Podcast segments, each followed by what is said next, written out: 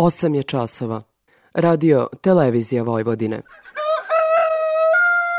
Dobro jutro, moj Bekrio. Ovde si mi poranio. Dobro jutro, moj Bekrio. Ovde si mi poranio. Ta kako ne bi poranio kad upravo počinje emisija Radio Novog Sada. Poljoprivredno dobro. Radio magazin za poljoprivredu i selo. Pred mikrofonom je Stevan Davidović.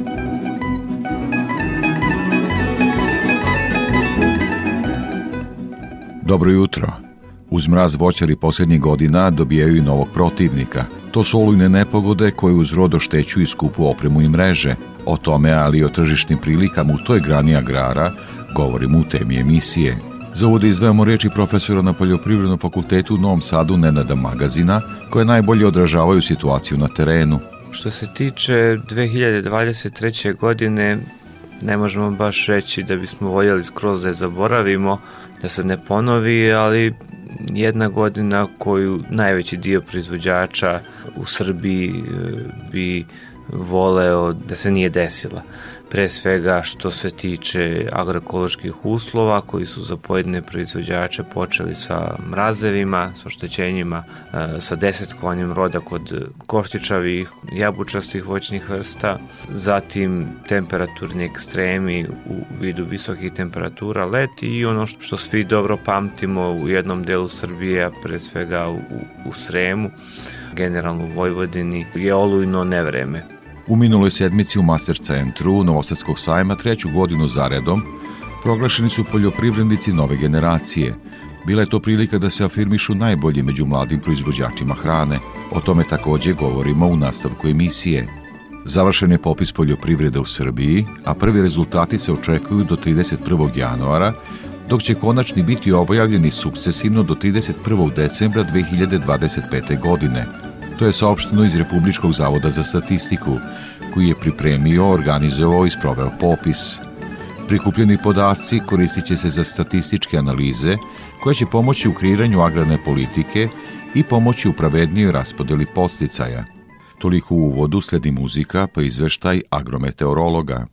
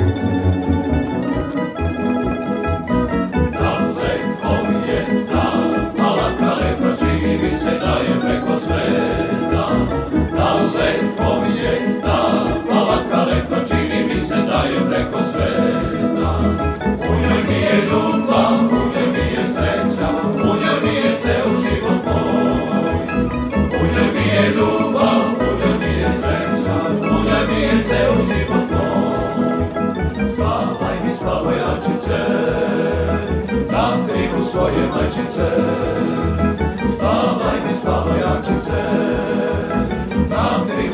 dukatom zlatnim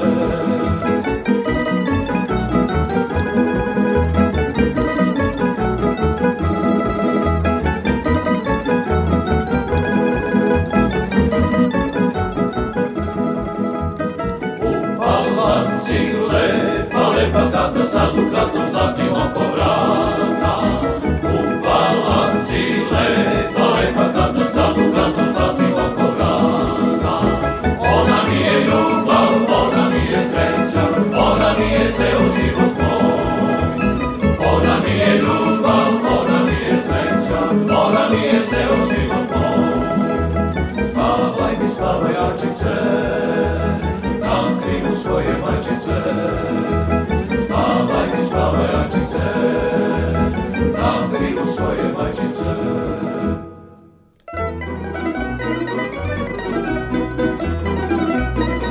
Kao što smo najavili u uvodu u prvim minutima poljoprivrednog dobra, sledi izveštaj agrometeorologa iz Hidrometeorološkog zavoda Srbije Ljiljane Đingalašević promenljivo vreme sa temperaturama nešto iznad proseka za ovaj deo decembra obeležilo je proteklu sedmicu.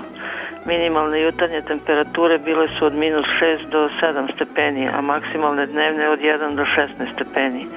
Tokom perioda pri tlu je bilo uglavnom slabih do umerenih prizemnih mrazeva, ali bez negativnog uticaja na ozime useve. Pšenica iz oktobarskih i kasnijih rokova setve dobro se izbokorila i pripremila za predstojeći period mirovanja. Minimalne temperature zemljišta izmerene na 5 cm dubine u proteklih 7 dana na celoj teritoriji Srbije bile su pozitivne, što je povoljno za koren ozimih useva. Agrometeorološki uslovi u proteklom periodu bili su povoljni za osnovnu obradu zemljišta, u voćnjacima za osnovno đubrenje, sadnju, popunu praznih mesta i primenu predviđenih mera nege i zaštite. Padavine koje su zabeležene krajem perioda održavaju povoljnu vlažnost zemljišta i povećavaju zimsku rezervu vlage.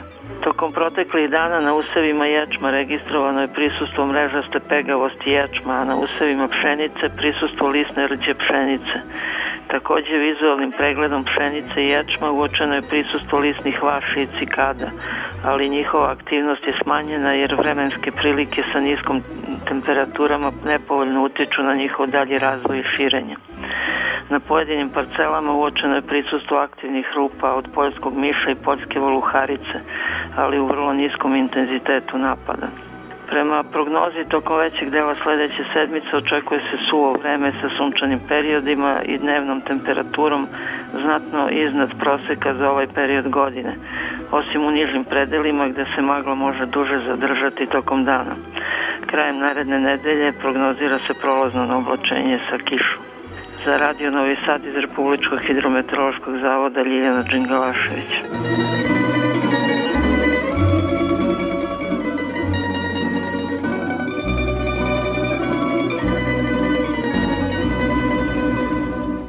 O aktuelnostima i kretanju štetnih organizama slušamo izveštaju Boška Jezerkića iz prognozu izveštene službe za zaštitu bilja.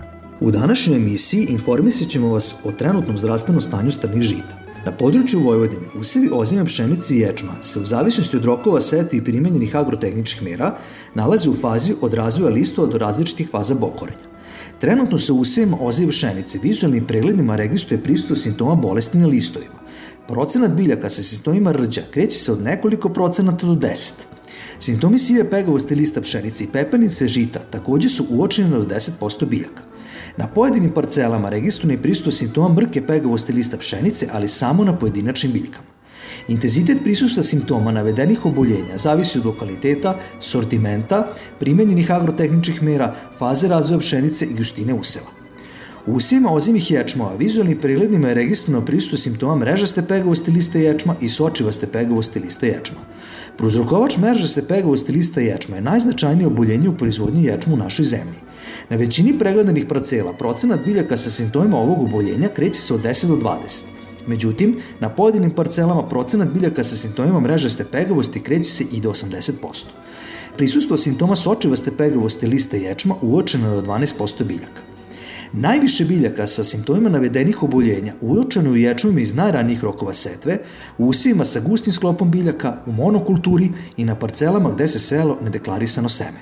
Ovako značajno prisustvo simptoma bolesti u usima strnih žita posledice između ostalog povoljnih uslova koji su vladali tokom novembra meseca, a koga su okarakterisali veoma toplo vrijeme i velika količina padavina. Ovakva situacija upućuje na oprez jer ćemo u novu sezonu ući sa prisutnim infektivnim potencijalom navedenih patogena. Pregledima žita u protekle dve nedelje uočava se minimalna aktivnost štetnih insekata, lisnih vaša i cikada, što nije slučaj i sa glodarima.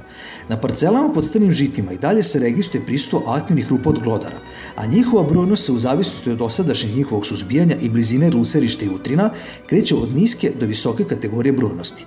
Preporučuju se stalni pregledi useva ozimistanih žita rati utvrđivanja brojnosti glodara. Prah štetnosti za poljskog miša iznosi 10 do 50 aktivnih rupa po hektaru, a za poljsku vuroharicu od 10 do 500 aktivnih rupa po hektaru. Po postizanju ovih pragova štetnosti preporučuje se primana registrovanih gotovih rodeticidnih mamaka na bazi cinkfosfida u aktivne rupe. Doza primjene ovih mamaka je 5 do 10 grama po aktivnoj rupi.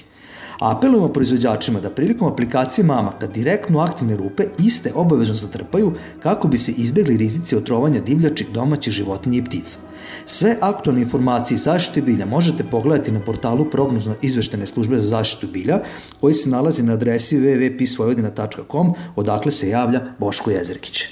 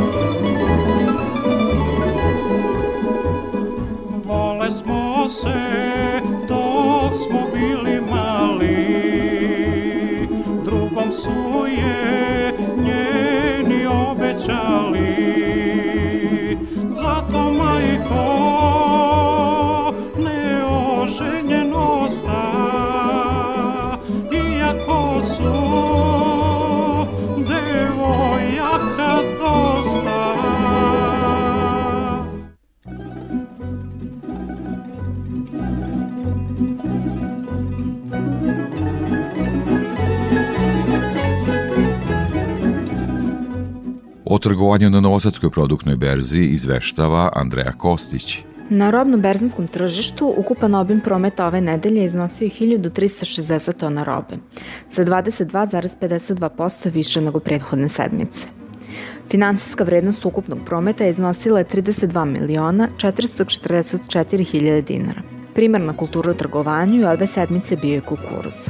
Na tržištu kukuruza tokom ove nedelje tražnja je bila veća od ponude, a primetan je bio i cenovni raskorak između ponude i tražnje.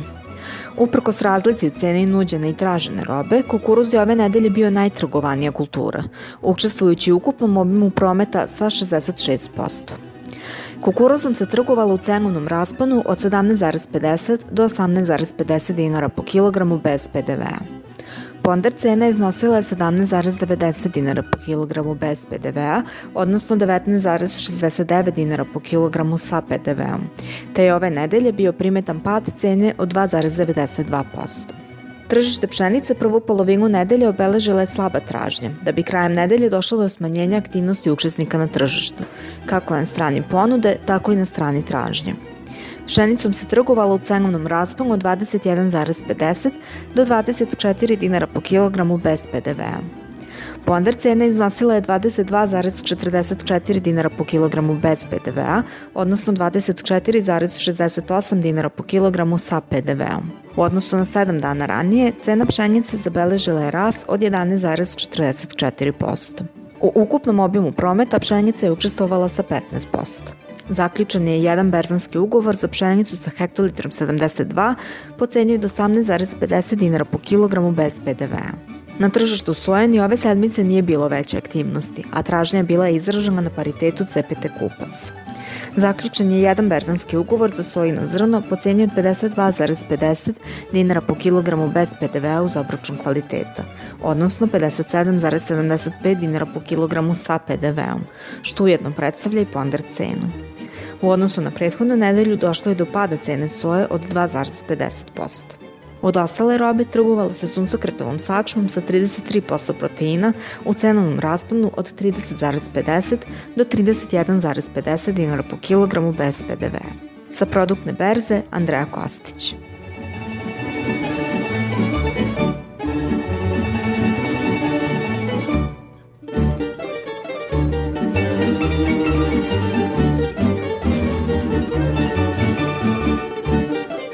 Kao i svake nedelje pratimo izveštaj o cenama sa tržišta žive stoke. Iz Infotim Logistike izveštava Gordana Jeličić. Tokom nedelje naši saradnici tovne svinje sa farme oglašavali su po ceni od 270 do 280 dinara po kilogramu, tovljenike sa mini farme po ceni od 270 do 273 dinara po kilogramu, a tovljenike iz otkupa po ceni od 260 do 268 dinara po kilogramu. Ukupno je tržištu ponuđeno oko 2500 tovljenika. Tokom nedelje plasman tovnih svinja sa farme dogovaran je po ceni od 270 dinara po kilogramu.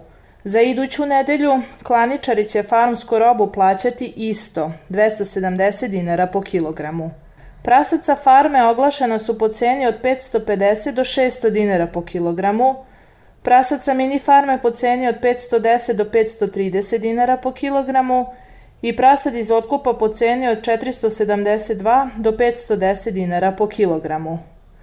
Prasad za klanje ponuđeno su u rasponu cena od 500 do 520 dinara po kilogramu. U ponudi smo imali oko 1000 prasadi.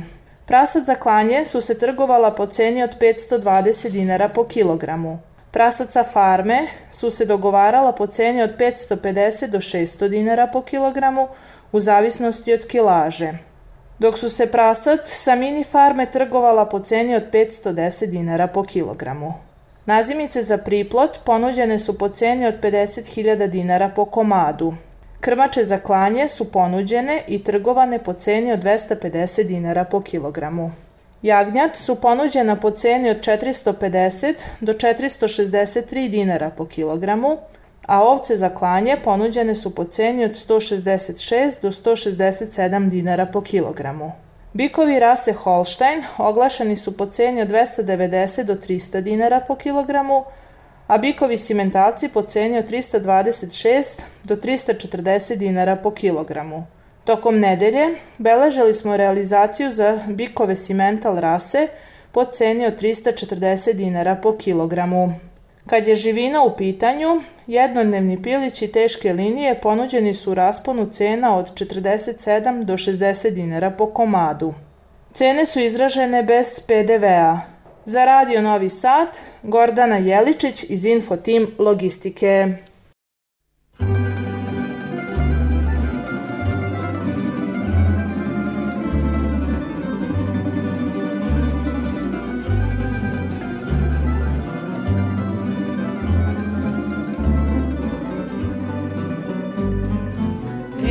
Kad sam sinoć pošla iz dućana Ej, kad sam sinoć pošla iz dućana Ej, susrela me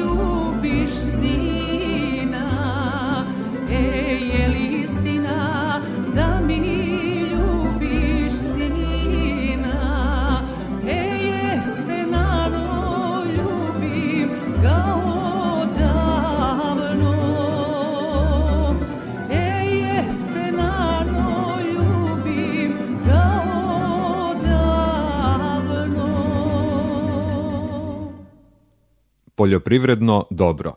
Radio Novi Sad. Tema emisije.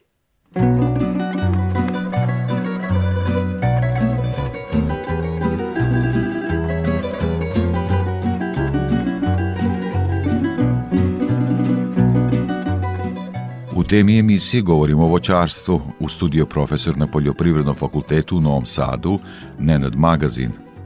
Profesore Magazin, evo smo na kraju kalendarske godine. Naravno, kada je voćarstvo u pitanju o čemu danas govorimo, drugčije se gleda sezona. Ali da možda napravimo jedan kratak agronomski presek kakva je godina za nama. Pre svega, dobar dan svim vašim slušalcima. Što se tiče 2023. godine, ne možemo baš reći da bismo voljeli skroz da je zaboravimo, da se ne ponovi, ali jedna godina koju najveći dio proizvođača uh, u Srbiji uh, bi voleo da se nije desila.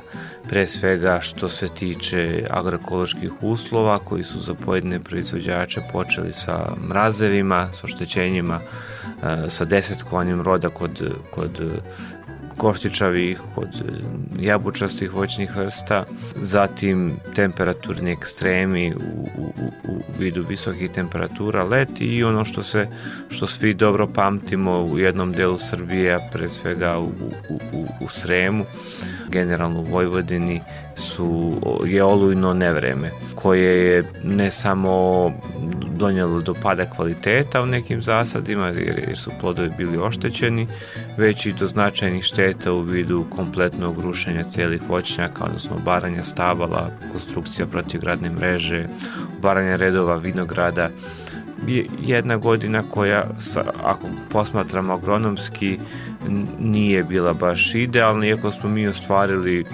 u, u generalno u Srbiji pa i u Vojvodini solidne prinose ne možemo reći da, da je godina kojom su proizvođači zadovoljni a da ne govorimo o tržištu a to upravo jeste naše e, sledeće obraćanje slušalcima, odnosno objašnjenje kakva je tržišno bila ova godina. Znamo da i ranije godina je dolazilo do promena na tržištu, pre svega kada je u pitanju rusko tržište i tako dalje. Kakva je ova godina u tom smislu bila? Mi imamo stagnaciju cena voća već neki duži period, naravno kod ne, nekih voćnih vrsta su oscilacije gore-dole, ali u prosjeku, vi ako pogledate cene voća danas unazad 10 godina, one nisu značajno se promenile, a, a svjesni smo ka, koliko je samo inflacija pojela, odnosno poraz, po, povećala cene svega ostalog. I, um, imate situaciju da su malo prodaje cene, cene prate inflaciju, ali cene koje proizvođači dobijaju, odnosno ostvaruju za svoje proizvode su i dalje niske na, i, i dalje na istom nivou, nevezano da li je to sveže voće ili voće za, za preradu. Imate se višnju, šljivu, dunju, dominantno voćne vrste koje su za preradu, cene tog voća su i dalje na nekom nivou kakve su bile i prije 5-6 godina ili čak 10 godina.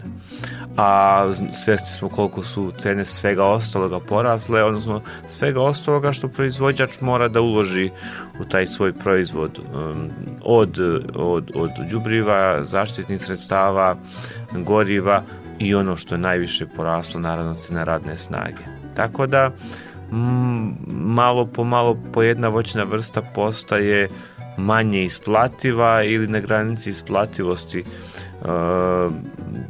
evo da uzmemo za primer malinu, koja u ovoj godini je otkupna cena bila vrlo niska, vrlo niska za, e, e, zbog onih razloga koje smo pominjali u prethodnim godinama kada je cena maline bila ekstremno visoka, a to je da neko tu razliku u ceni mora da plati, da, da, da nije uobičajeno da cena maline bude tako visoka da bi proizvođači, da bi oni koji otkupljuju danas bili u problemu kako da prodaju tu malinu po tako visokim cenama, odnosno u prošloj godini, pretprošloj, a sada imate situaciju da se tržište okrenulo nekim drugim zemljama gdje je jednostavno jeftinija sirovina, odnosno jeftinija malina.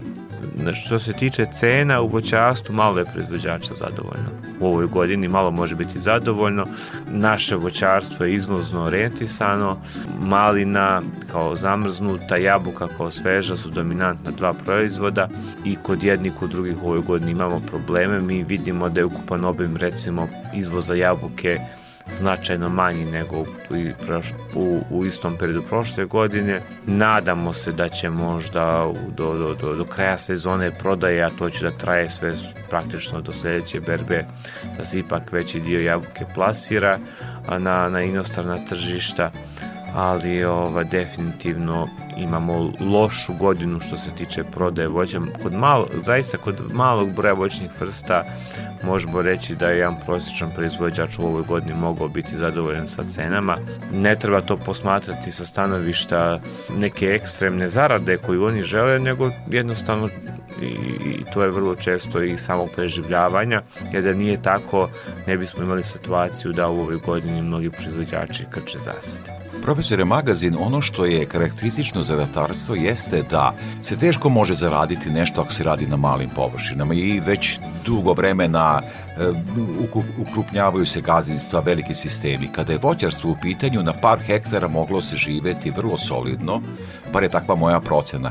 Sad, iz ovog što vi govorite, kad se podvuku crte na malim voćarskim e, gazdinstvima, kakva je situacija i koliko je to sve isplativo na malo? Sve zavisi kojom se voćnom vrstom bavite i u voćarstvu. Imate intenzivnije, manje intenzivne e, kulture i, i intenzi, intenzivniju proizvodnju ili manje intenzivnu proizvodnju. Vi ako se bavite proizvodnjom oblačinske višnje, vama je tržište e, hladnjača za zamrzavanje ili eventualno za neku drugu vid prerade i onda je po hektaru vaš e, prihod manji nego, odnosno vaša dobit manja nego ako se bavite nekom intenzivnijom kulturom, da uporedimo hektar višnje sa hektarom stone borovnice.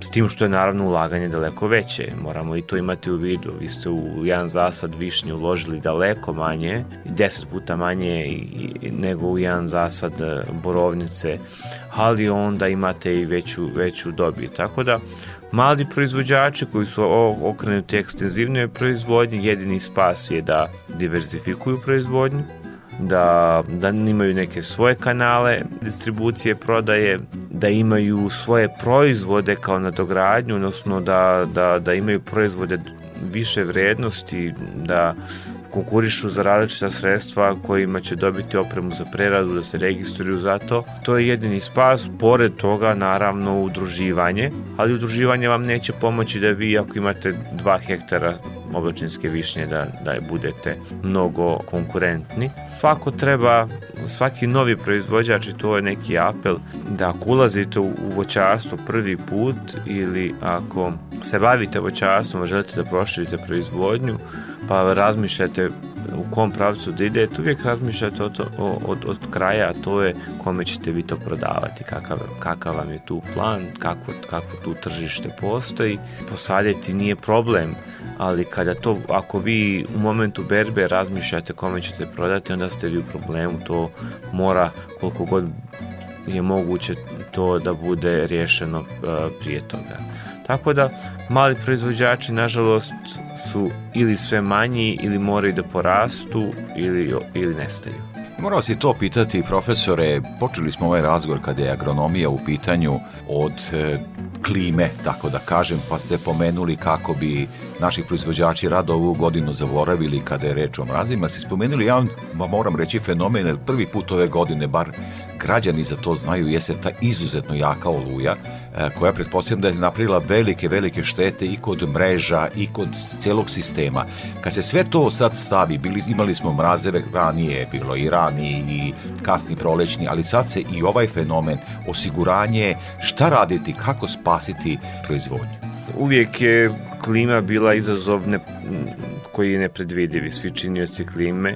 Prvi korak koji možemo da uradimo je prevencija to je prije podizanja zasada dobro sagledati lokaciju, da li je ta lokacija odgovarajuća za taj zasad, za tu voćnu vrstu, za tu sortu, da li je tu rizično ili manje rizično ne, nikada ne možete potpuno isključiti neki rizik jer ste pod otvornim nebom, ali možete da smanjite rizik, da odaberete lokaciju gdje, gdje je pojava mraza vrlo, re, uh, vrlo ređa.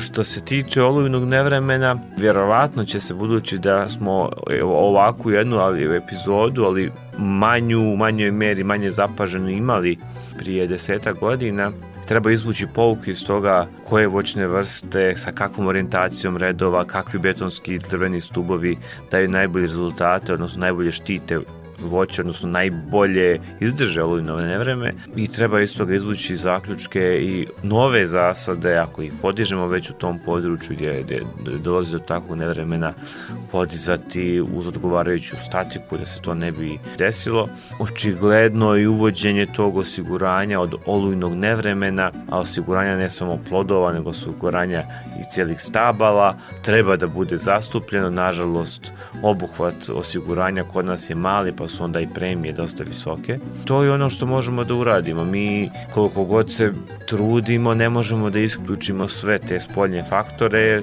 jer proizvodimo, čak i ako stavimo mrežu, čak i ako stavimo plastenik, mi kontrolišemo samo dio klimatskih činilaca, a onda se ispostavi da dio tih klimatskih činilaca uspe i tu prepreku da savlada i da uništi plastenik ili stubove protivgradne mreže. Kao i u svakoj struci dobro planirati, dobro ovaj, se raspitati, preduprediti one činjenice koje možemo, kao što je suša, navodnjavanjem ako je moguće, ako nije moguće odabirom vrsta i podloga koje dobro podnose sušu, ako imamo situaciju da, da imamo redovne mrazeve, izbjegavati voćne vrste, ne saditi ih tu gdje su mrazovi redovni, nego i sad na drugim lokacijama, višim terenima, recimo na Fruškoj gori. Često, nažalost, koliko god se meni kao profesor voćarstva činilo da, da smo već dosadni sa tim pričama i da ljudi valjda znaju gdje, gdje se šta može saditi, praksa pokaže upravo suprotno da ljudi sade voće na lokacijama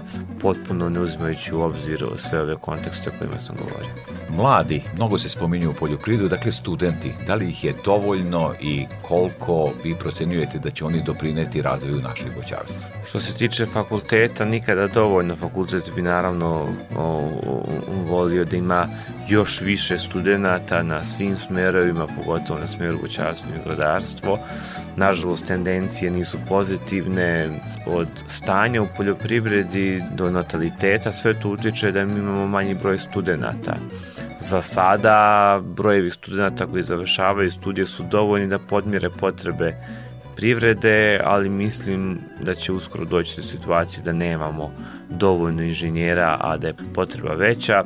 Mi smo u stalnom nekom dijalogu sa privredom koje su to kompetencije, kompetencije inženjera koje oni treba da imaju, ka, šta očekuju od njih, ali i mi očekujemo od privrede i ti mladi od ljudi očekuju od privrede da, da imaju odgovarajuće uslove. Posao inženjera u poljoprivredi ili bilo koji drugi posao u poljoprivredi je težak posao, ne, mor, ne moramo ga dodatno usložnjavati postavljanjem nekih uslova koji obeshrabruju mlade ljude da rade u tom poslu. Profesore, za kraj razgovora, a pred samu novu godinu, vaša poruka proizvođačima? Poruka proizvođačima koji su, koji su pravi proizvođači, koji žive od poljoprivrede, od voćarstva, da, da jednu godinu kao što je ova izdrže do kraja, da sagledaju svoju poziciju na, na, na, na tržište, da ako planiraju nove investicije dobro razmisle da li ta investicija ide u pravom pravcu, bolje razmišljati o kvalitetu nego o kvantitetu, to je bolje podjeći jedan hektar zasada kako treba, uz poštovanje svih pravila struke, uz protivgradnu mrežu, dobre sadnice, sistem za navodnjavanje, nego podizati 5 ili 10 hektara zasada koji to sve nema. Imaćete možda na papiru ovamo više, veću proizvodnju, ali pitanje je da li ćete je ostvariti. Nadamo se da će, da, da će posle ove krize koja u voćarstvu traje nekoliko godina nastupiti neko bolje vrijeme i iskustvo nam pokazuje da se to uvijek desi, samo je pitanje tko će do tada da, da, da, da izdrži. Nadamo se i mi na fakultetu i, i, mi smo sami proizvođači na našim oglednim poljima da ćemo u narednom periodu moći da računamo na bolje uslove na tržištu, na više sreće sa klimom i na kraju da ćemo da uspješno proizvedemo plodove i ostvarimo sve naše želje koje nisu vezane samo za poljoprivredu. Želim svakom slučaju svim vašim slušalcima sretnu 2024. godinu profesor na Poljoprivrednom fakultetu u Novom Sadu, Nenad Magazin. Veliko hvala ne samo za ovaj razgovor, nego za sve razgovore tokom ove godine i nadam se da ćete nam biti redovan gost kao i do sada i u godini koja nam sledi. Naravno, i tokom 2024. godine možete računati na, na moju podršku, savete i, i sve ono što kao profesor voćarstva na Poljoprivrednom fakultetu bi trebalo da pružim svim vašim slušalcima. Još jedno veliko hvala.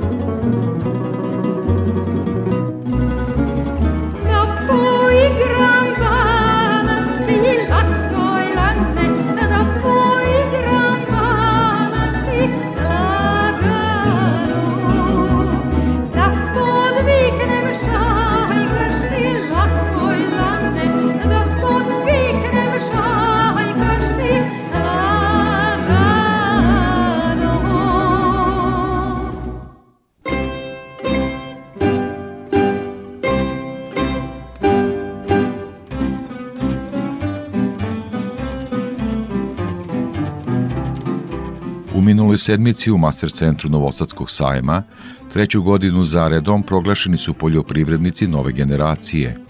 Bila je to prilika da se afirmišu najbolji među mladim proizvođačima hrane, o tome Đorđe Simović. Desetoro najuspešnijih mladih poljoprivrednika su uzorni proizvođači u sredinama iz kojih dolaze, a to su Selenča, Deronje, Ribar kod Jagodine, Crepaja, Opovo, Rivica i druga mesta.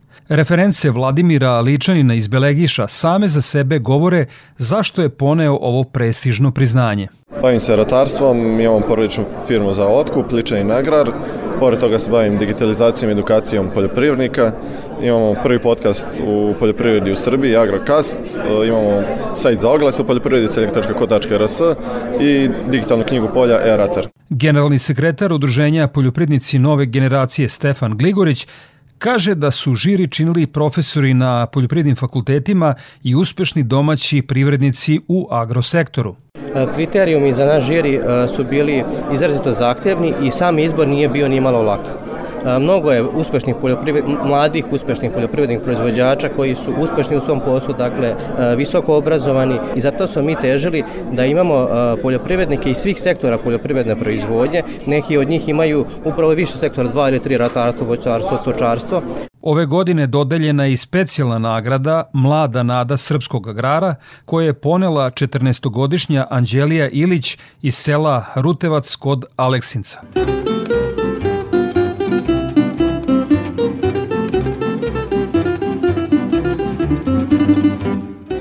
A da je teško biti poljoprivrednik nove generacije bez novih tehnologija, pre svih u mehanizaciji, potvrdio nam je izvršni direktor kompanije Kite DOO, Đorđe Mišković.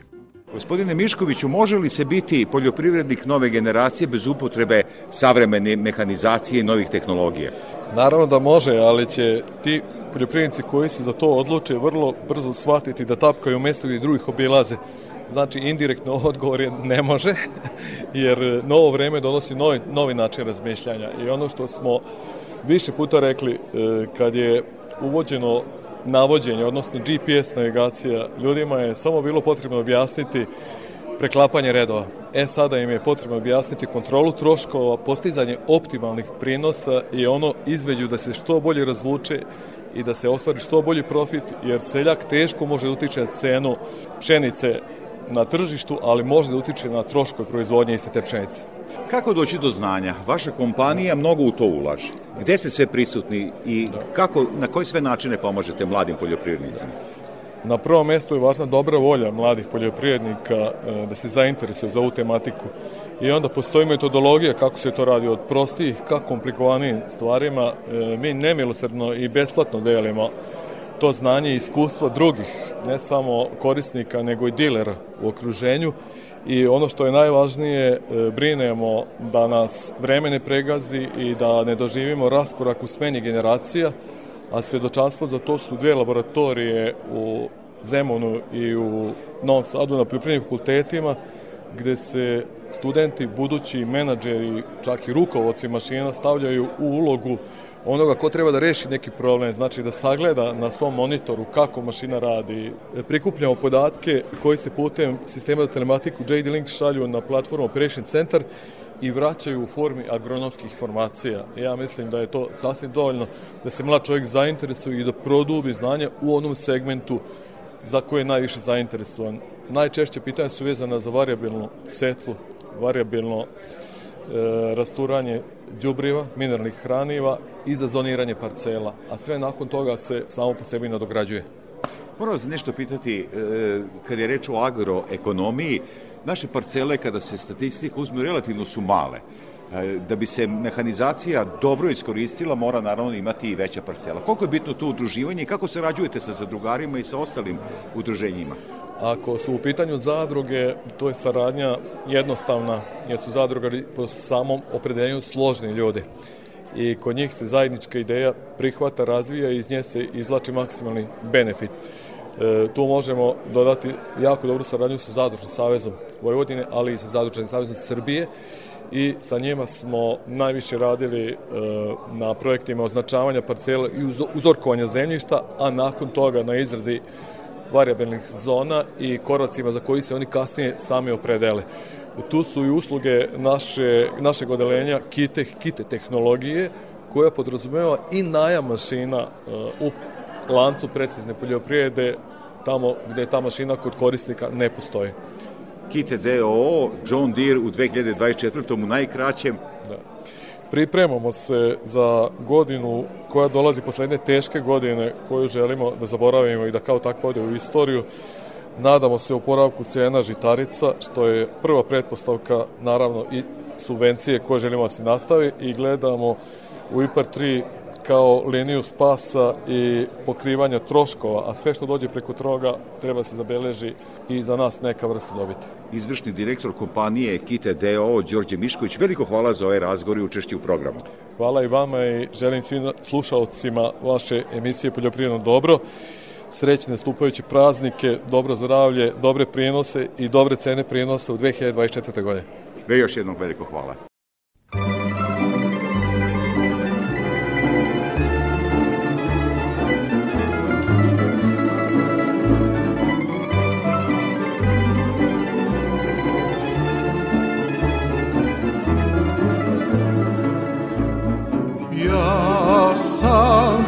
Lola prve klase Koje bolji od mene ne zna se.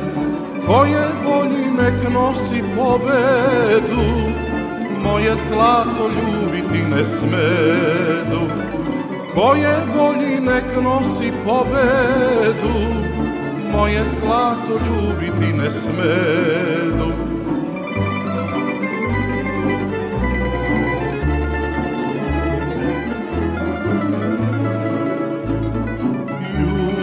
jutros docka niz kafane Na vratima dočeka me lane Pa mi širi ruke oko vrata Grli smo se do tri, četir sata.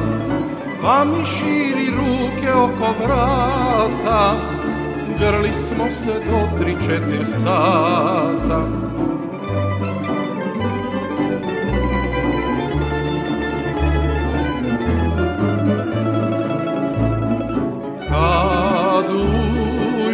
jutro sedam sati A ja ne znam šta ženi lagati. Moram reći da sam svu noć pio Neće znati koju sam ljubio. Moram reći da sam svu noć pio Neće znati koju sam ljubio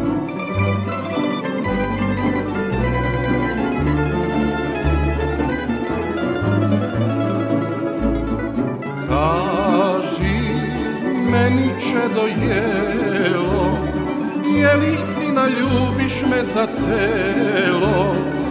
Istina je jedinog mi Boga. Tebe volim i više nikoga. Istina je jedinog mi Boga. Tebe volim i više nikoga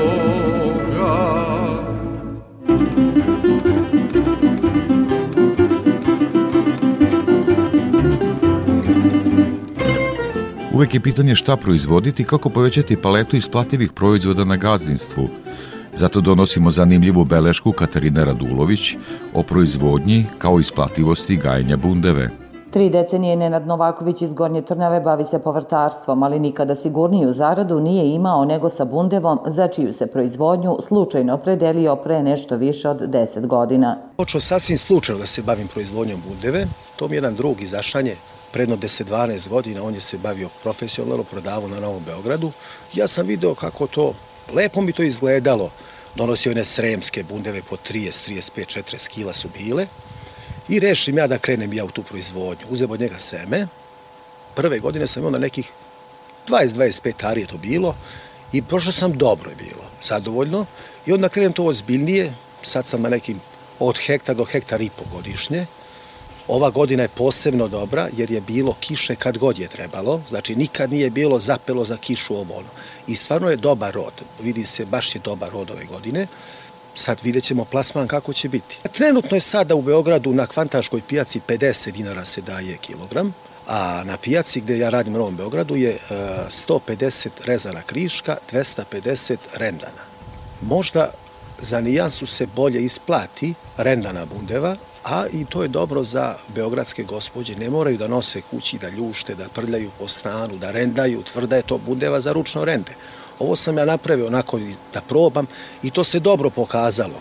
Dnevno se, Boga mi, prodavo 30 pa nekad i 40 kila rendane bundeve, A na primjer, prošle godine za badnji dan sam prodao 86 kg rendane bundeve za badnji dan kad je bio. Baš se traži. Najveća bundeva u domaćinstvu Novakovića bila je 52 kg, a ove sezone za 20 kg lakša. Prinos bundeve osiguran je kvalitetnim semenom, stajnjakom i plodnim zemljištem. Za proizvodnju bundeve najbitnije, najbitnije stajnjak. Znači unijeti dosta stajnjaka i obavezno plodored. Nikad ne saditi bundevu na parcelu gdje je bila prije toga dve, tri godine. Meni ove godine izuzetno se dobro pokazalo, razvojali smo lucerište koje je 12 godina bila lucerka. I tu je ove godine izašla nenormalna bundeva. Znači, sva, bilo je mnogo zametaka, sve su izradile, sve su izašle i dobru krupnoću postigle. E sad, najbitnije je bundevu posejati dobro seme. Ja vadim bundevu iz svojih seme vadim iz svojih bundeva, nikad ne kupujem jer znam šta sam ostavio i od kojih sam primjeraka ostavio. Osušim prirodno i čuvam u kesama hartijanim na suvom mestu. Kad dođe vreme setve, sejem u ođake po četiri semena, kad izniknu, ostavljam, ako osetim kišovitu godinu, po dva, ako ne, onda po jednu semenku. Najbitnije u cijeloj priči je da bundevu ne uhvati trava u fazi razvoja. Njoj trava ne može ništa kad ona počne da zameće i kad budu veliki zameće, to ne se, ali je opasno kad kao mladu biljku uhvati trava, tu stane i ona je za svoju godinu završila. Vrlo mali plodovi budu male krupnoće. Krupnije i za nijansu sočnije su sremske bundeve, idealne su za čorbe, pite i rendanje, dok su sitnije suve i pogodne za pečenje. Sudeći po zaradi, ali po tražnji, Nenad će proširivati površine pod bundevom. A hektar, ove godine sam imao hektar površinu, prošle godine je bilo više nešto od hektara, ove godine hektar i ja sam sa rodom prezadovoljan. Sremci kažu da bundeva možda rodi na hektaru 3, 3 pa i 4 vagona. Ove godine kod mene otprilike rod na neki tri vagona 30 tona. Novakovići se decenijama bave povrtarstvom od pre nekoliko godina i hortikulturom. Ipak najveća zarada postignuta je zahvaljujući bundevi koja je i tekako opravdala trud poljoprivrednika i njegovu proizvodnju učinila profitabilnom. Za radio Novi Sad, Katarina Radulović.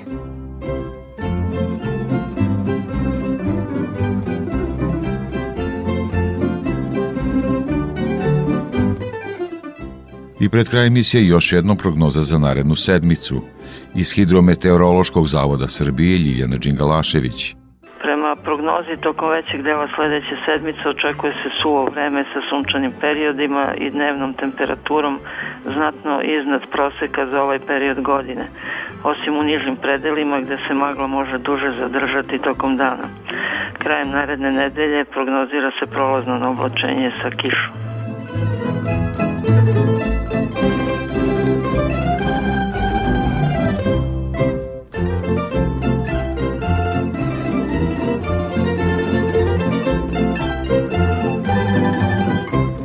To bi bilo sve što smo pripremili za ovo izdanje poljoprivrednog dobra Radio Novog Sada. Emisiju montirala Violeta Marković.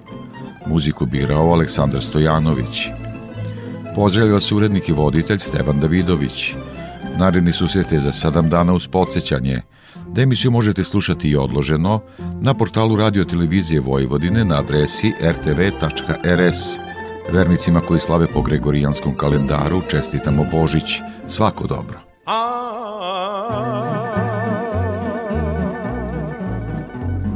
Srdo moja more ne srdi se na me, ne srdi se na me. A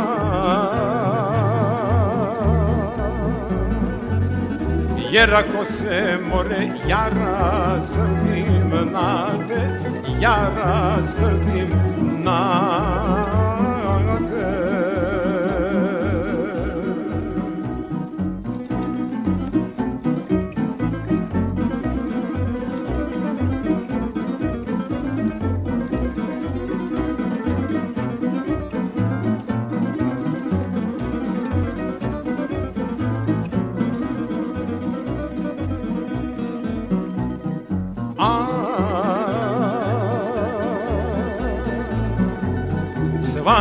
nas na more pomiriti neće, pomiriti neće.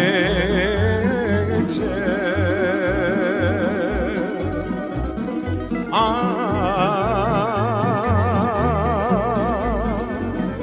ni sva Bosna more, ni Hercegovina, ni Hercegovina.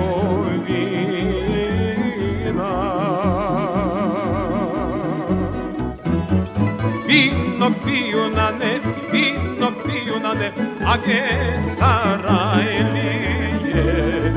Vino piju na ne, vino piju na ne, a ge Sarajlije. Na Iliđinane, na Iliđinane, pokraj Sarajeva. Na Iliđinane, na Iliđinane, pokraj Sarajeva.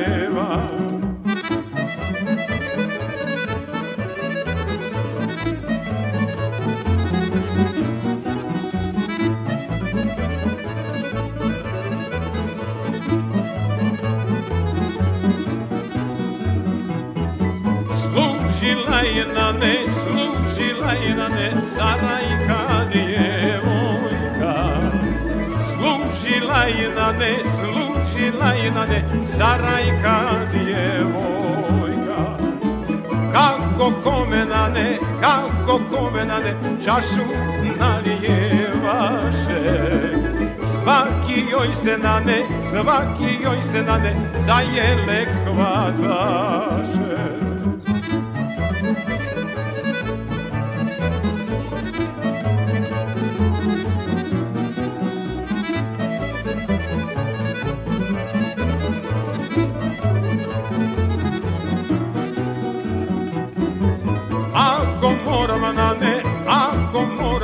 Svakom sluga biti. Ja ne moram na ne, ja ne moram na ne svakom ljubav biti. Ako moram na ne, ako moram na ne svakom sluga biti. Ja ne moram na ne, ja ne moram na ne svakom ljubav biti. Pa malo ja, malo ti, ja nego ti Pa ćemo se voleti curo ja i ti A Pa malo ja, malo ti, više ja nego ti Pa ćemo se voleti curo ja i ti Aj, uba, uba, uba, uba, uba, uba, uba, uba, uba, uba, curo garaba. Aj, neka, neka, neka, neka, neka, neka, nek se zna da te volim ja.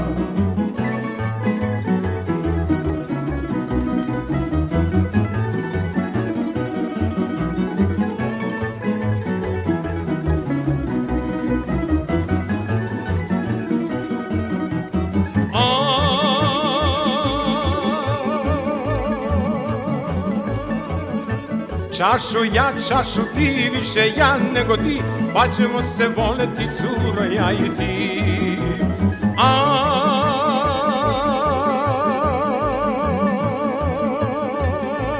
čašu ja, čašu ti, više ja nego ti, pa ćemo se voleti curo ja i ti. Aj, uba, uba, uba, uba, uba, uba, uba, uba, uba, uba, curo garaba. Aj neka, neka, neka, neka, neka, nek se zna, neka, neka, nek se zna, da te volim ja.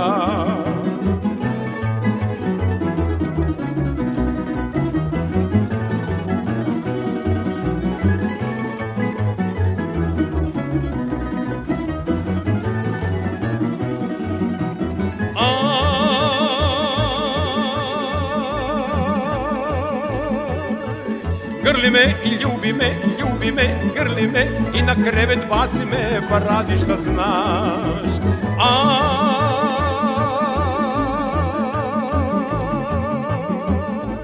grli me, ljubi me, ljubi me, grli me i na krevet baci